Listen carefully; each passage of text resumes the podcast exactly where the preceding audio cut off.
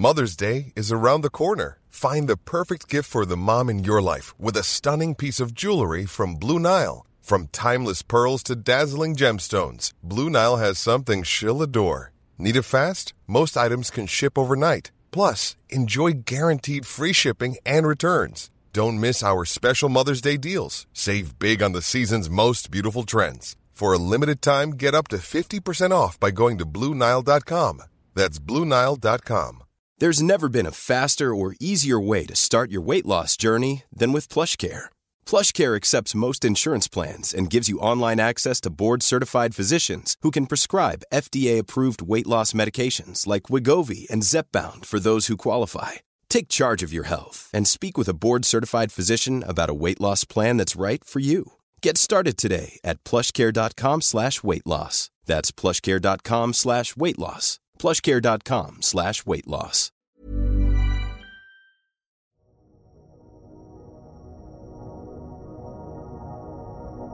Viktor, ska du ut och leta efter kometen någonting den kommande tiden? Eh, nej, det har jag inga planer på. Vad är det för, vad är det för komet? Men det är en grönaktig komet som kommer passera genom den inre delen av solsystemet. Eh, och den skulle kunna bli synlig utan teleskop. Kometen som heter C 2022 E3 är tillbaka för första gången på ungefär 50 000 år. Och den kommer göra sin närmsta flygning förbi jorden i början på februari. Och sen kommer den försvinna igen i flera tusen år. Mm. Så man kanske ska ge sig ut lite där på natten och se vad man kan se. Faktiskt, det är ju mäktigt och kul när eh, en sån gammal trotjänare kommer tillbaka. Ju. Verkligen.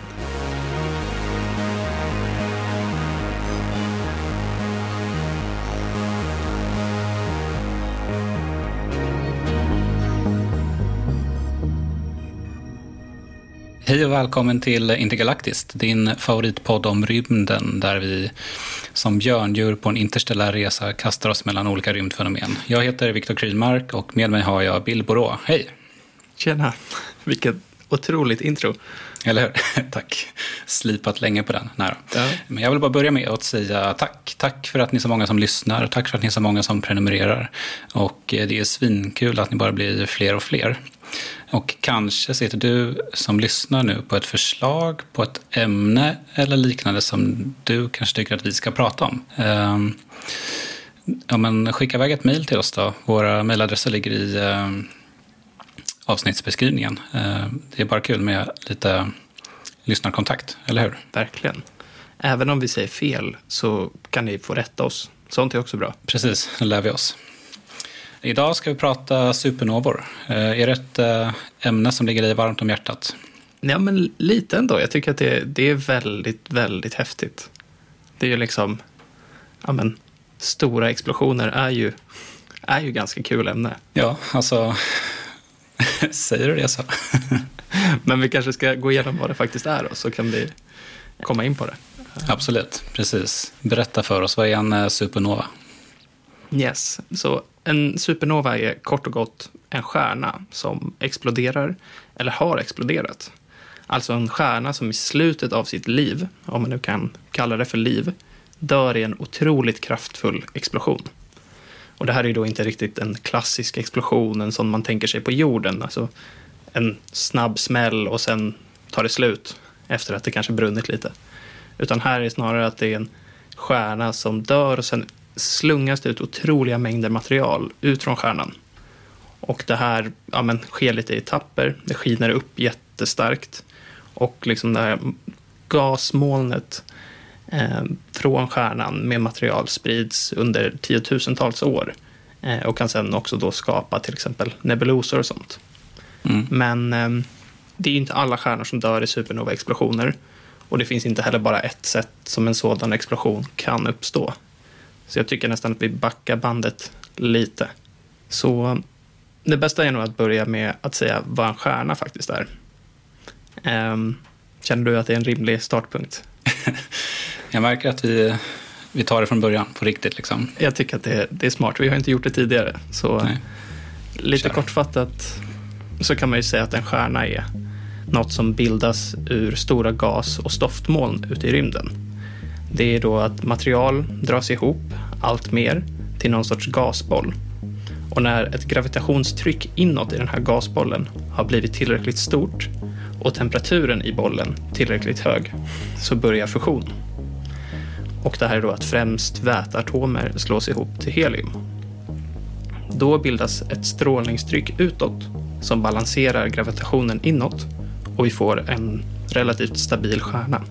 Om man typ tänker på solen så är den ganska stabil, i alla fall när vi kollar på den härifrån. Ja, alltså man får ju hoppas att den är stabil. Utifrån det sättet som vi förstår fysik så är den väldigt stabil.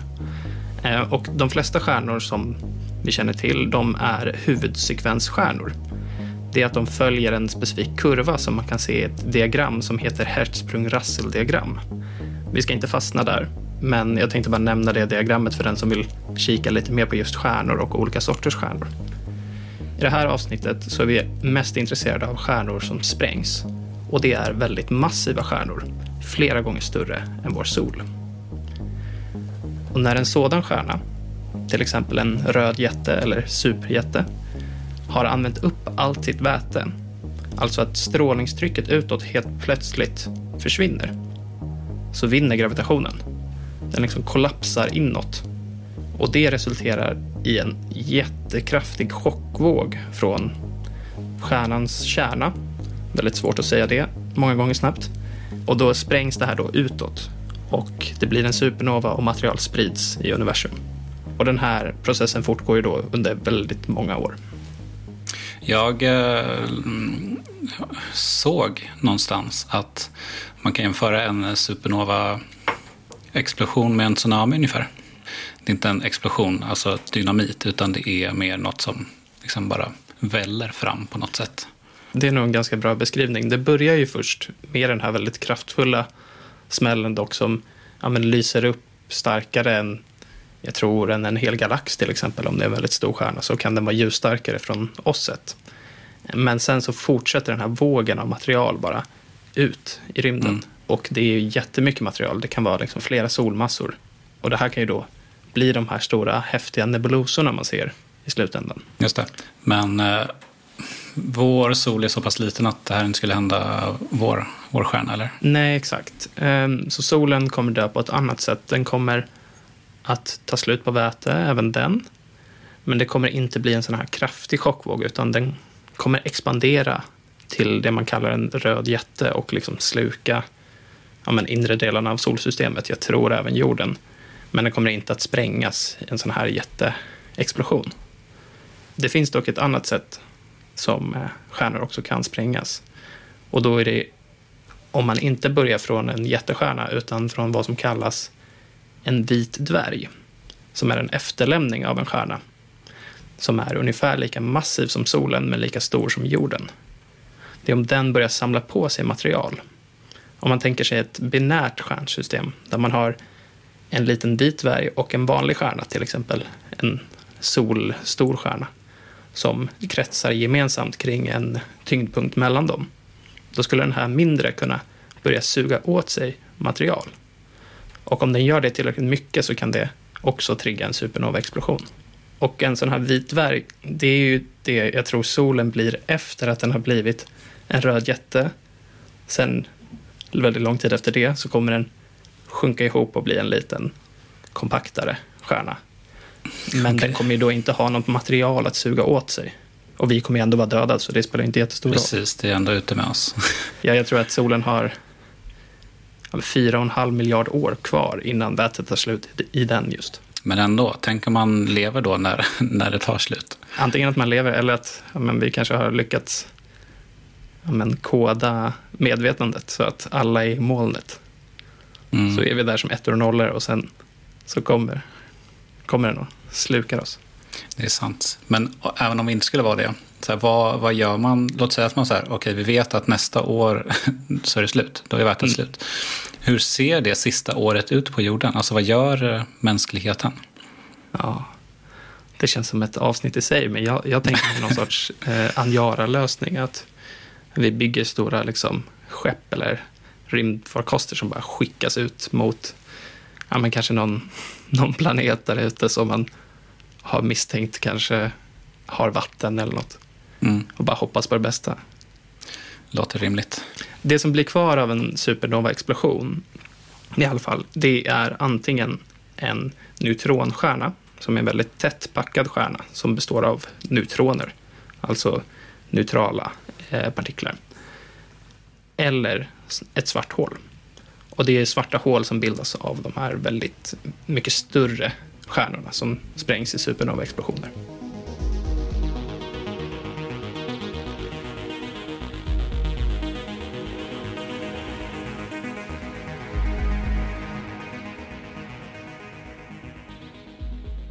Du hade kollat lite på olika stjärnexplosioner genom historien, eller hur? Det har jag verkligen. Jag har verkligen trålat nätet efter ehm, supernovor om vi minns, eller supernovor genom historien. Ja, härligt. Den första jag fastnade för i alla fall är den som heter SN 1006. Mm -hmm. Supernova 1006. Det namnet har den fått eftersom den observerades år 1006 helt enkelt. I, Helt i varje, klart rimligt. Ja, eller hur? I vargens stjärnbild. Alltså inte vargens självbild, även om det hade varit roligare. En supernova år 1006. Vad är så speciellt med den? Kanske man undrar. Jo, det är för att det är den ljusstarkaste supernovan eh, som dokumenterats. Mm. Ljusstyrkan har uppskattats till en visuell magnitud om minus 7,5. Vilket kanske inte säger så mycket. Eh, men Eh, det går att jämföra med att den är ungefär 16 gånger så ljusstark som Venus, som då är den ljusstarkaste planeten, som påstås, som man då ska kunna se från jorden utan teleskop. Mm. Eh, det säger något om liksom dess ljusstyrka på något sätt och det är därför den här supernovan sticker ut. Hur kan man ha gjort liksom den uppskattningen egentligen om, om det här var år 1006?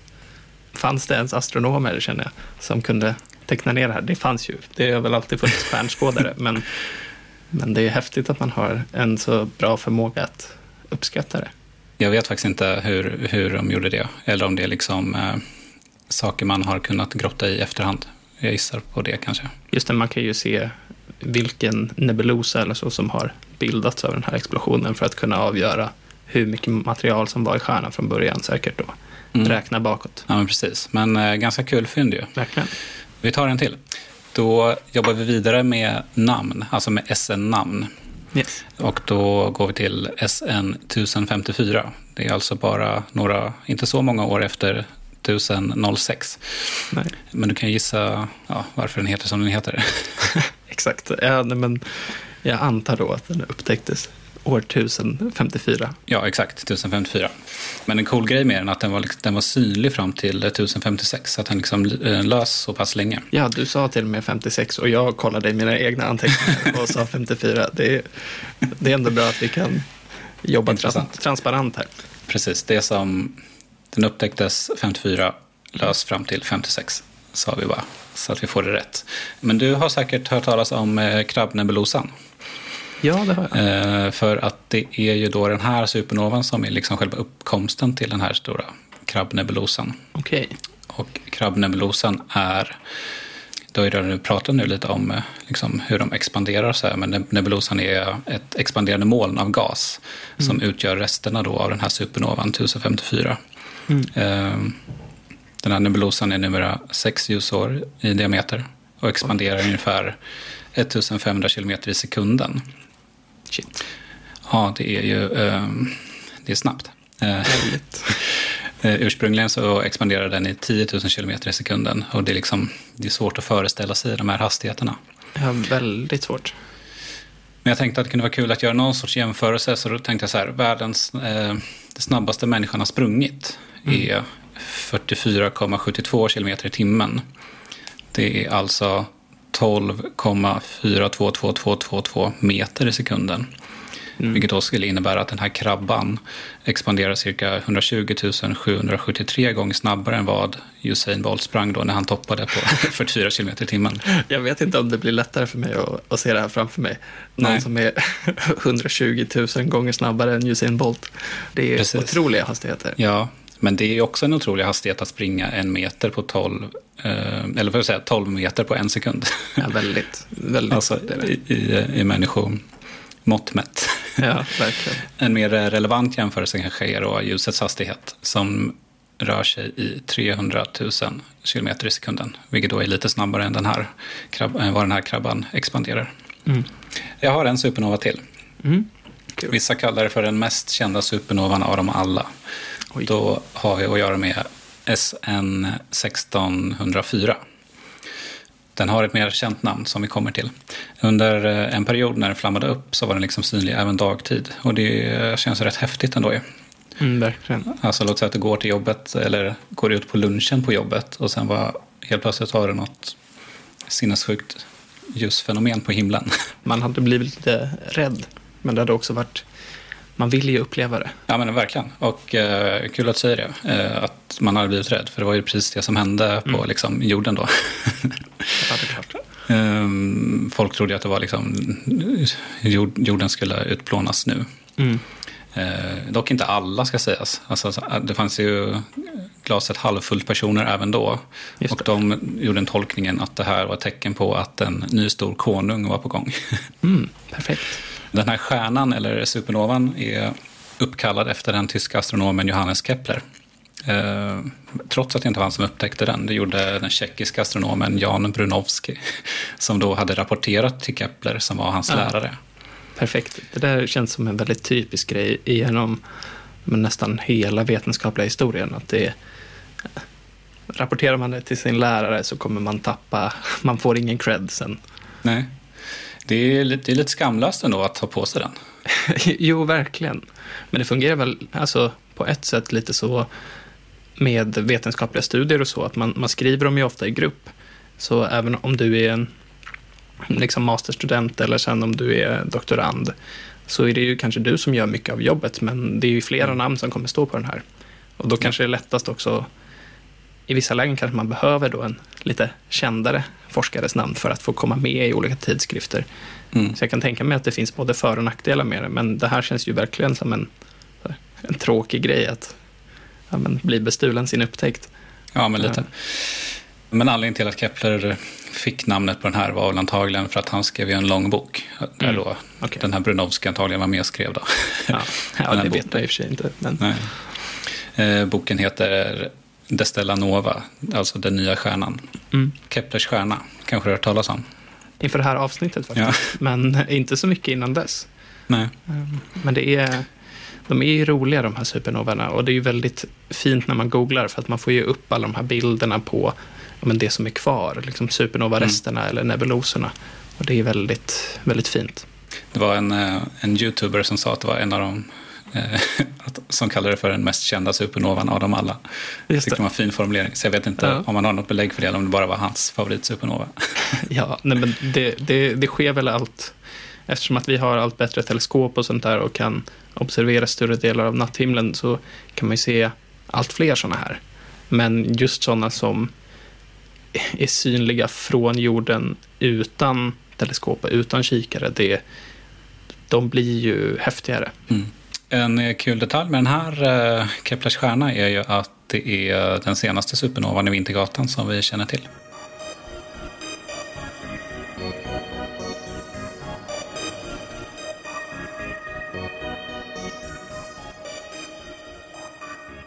Ja, ska, ska inte du ta upptäcka en supernova så vi får Borås stjärna? Det hade varit väldigt häftigt. Men jag vet faktiskt inte om det är så häftigt längre. För jag pratade, jag minns när jag eh, började jobba lite med ny teknik och gjorde praktik. Då pratade jag med en svensk forskare som heter Jesper Sollerman.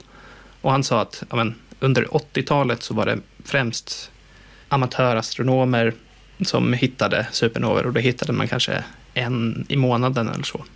Idag, sa han, nu kan jag hitta tio stycken själv om dagen. Mm. Så det var att han använde ju då bättre teleskop och teleskop som har också tillgång till mjukvara som kan skanna igenom natthimlen och jämföra med tidigare bilder och se var har det skett en förändring i ljusstyrka. Mm. Är det här en supernova? Kolla närmre. Och ja, han har bland annat jobbat med teleskopet som heter Swicky Transient Facility som är döpt efter Fritz Zwicky, som är en känd astronom som gjorde mycket forskning på just supernover. Mhm. Så jag vet inte om det idag är samma liksom, status som det var förr. Låter ju inte så. Eh, Låter som att tekniken har hjälpt oss lite. För han trodde då också på att så här, just att hitta supernover kommer vara en helt eh, robotiserad eller digitaliserad grej framöver. Mm. Men att man just ja, men fortfarande nu sitter väl och kollar igenom de här bilderna för att se om det är falska positiva svar eller så. Men, eh, men det känns som att det har gått över till att bli ganska en standardiserad process. Mm. Om vi kollar lite mer nutid då. Det finns ju mm, en stjärna som de senaste åren har varit lite mer under nära uppsyn. Eh, eller hur? Ja, exakt. Och det var faktiskt därför jag för några år sedan då pratade med Jesper. Men det var stjärnan som heter Beetlejuice. Och det är en röd superjätte i stjärnbilden Orion. Och vanligtvis är det den tionde starkaste lysande stjärnan på himlen. Men i oktober 2019 så började stjärnans ljusstyrka avta väldigt mycket. Den tappade med ungefär en faktor 3. Sen verkade den vakna till igen. I februari 2020 hade liksom dimningen slutat och stjärnan började bli ljusare igen. Och sen dess har den varit mer eller mindre normal. Mm. När det här skedde så trodde forskarna att nu, nu smäller det snart. Liksom det var ett tecken på att den skulle explodera. Men eh, nya studier har visat att det antagligen bara var ett stort damm, gas, materialmoln som skymde stjärnan något. Och det här kan ha kommit från en massutkastning från själva stjärnan. Eh, som gjorde att den då tillfälligt framstod ljus, ljussvagare. Ehm, men ja, stjärnan kommer att explodera någon gång. Men antagligen inte under vår livstid. Men när den väl gör det så kommer den att synas som det näst ljusstarkaste objektet på himlen. Och då bara en härlig fråga. Vilket är det ljusstarkaste? Alltså, om det inte är solen, då vet jag inte vad jag gör. Det var en lite taskig fråga, men du, du satte det. Det är, Ja. det är solen. Eh, så ja, eh, när Betelgeuse dör i en supernova-explosion så kommer den att från jorden skina, liksom, det kommer synas och skina starkare än fullmånen och även synas på dagen. Då. Eh, men som sagt, det här kan dröja väldigt lång tid. Mm. Eh, miljontals år. Men Jaha. ja, man, man blev lite exalterade där eh, Ja. för några år sedan och sen verkar det, den nyare forskningen har visat att det här inte är fallet. Just det. Det är ingenting vi ska gå och vänta på då, låter det som. Nej, men man kan ju ändå hoppas. Och Ja. Vi har väl inte koll på alla exakt, så det, det skulle ju kunna ske här och där. Eh, och supernova-explosioner är väl också relativt vanliga, men som du sa, det var ett tag sedan vi såg en i Vintergatan. Några hundra år sedan. Ja, men exakt. Så man kan ju tycka att det är dags. Liksom. Ja, men verkligen. Alltså verkligen. Rymden får skärpa sig. Ja. Ehm, men ett annat exempel på lite färsk forskning om supernovor kommer från Australien. Och där slår forskare ihop data från två olika teleskop. Det är ett projekt som heter Pegasus. Nu sa jag Australien, men det är för att jag läste det i en tidning från Australien. Och, eh, eh, så, så det är antagligen ett internationellt projekt som vanligt. Men eh, det de gör där är att eh, kolla på rymden i radiofrekvenser istället för synligt ljus. Och på så sätt har de kunnat upptäcka många fler supernovarester, eh, Eh, alltså nebulosor, i Vintergatan bland annat. Och det kan hjälpa forskare att förstå lite mer om de här, för att innan det här så har man inte hittat så många nebulosor som man har förutspått ska finnas. Ehm, I det pressutskicket eh, så skrev de bland annat att de förväntar sig att kunna hitta 1500 nya supernovarester bara i Vintergatan. Som liksom har varit dolda i synligt ljus kanske av att ljuset blockeras då av damm eller stoft. Men nu kommer det kunna komma fram i radiofrekvenser istället. Mäktigt. Så det är lite annan ny forskning som det säkert kommer komma mer resultat från den kommande tiden. Apropå eh, frågan du ställde om eh, vilka som är det starkast lysande fenomenet på himlen. Eh, den skulle kunna passa in i, eh, har du sett Filip och Fredriks frågeprogram Alla mot alla? Men det var det jag tänkte lite på det här med, vad är det, idiotfrågan. Exakt, idiotfrågan. Är solen det starkaste lysande himlafenomenet? Himla, Ja. himlafenomenet? Jag för mig att de har haft någon gång en fråga om liksom, är solen en stjärna? Precis, man eh, vet ju det, men när man får frågan sådär så är det lätt att svara fel. Verkligen. Just i det här fallet var det väl ändå hyfsat lätt fråga, får man ändå säga. Ja, man tror också bara lite kort att eh, supernovor kan orsaka det som på svenska kallas för gammablixtar. Men det skulle kunna bli ett eget avsnitt lite längre fram, för det finns ganska mycket att prata om där. Men det är lite coolt ord bara, gammablixt. Så jag Ja, jag håller med. Gammal tänkte säga blixtar. det. Vi eh, skriver upp det som eh, idé till framtida avsnitt. Exakt. Eh, Stort tack för att du har lyssnat. Eh, Nu är du fullmatad med kunskap om supernovor. Hoppas du är nöjd över det. Eh, Vi hörs snart igen. Hej då! Hej då.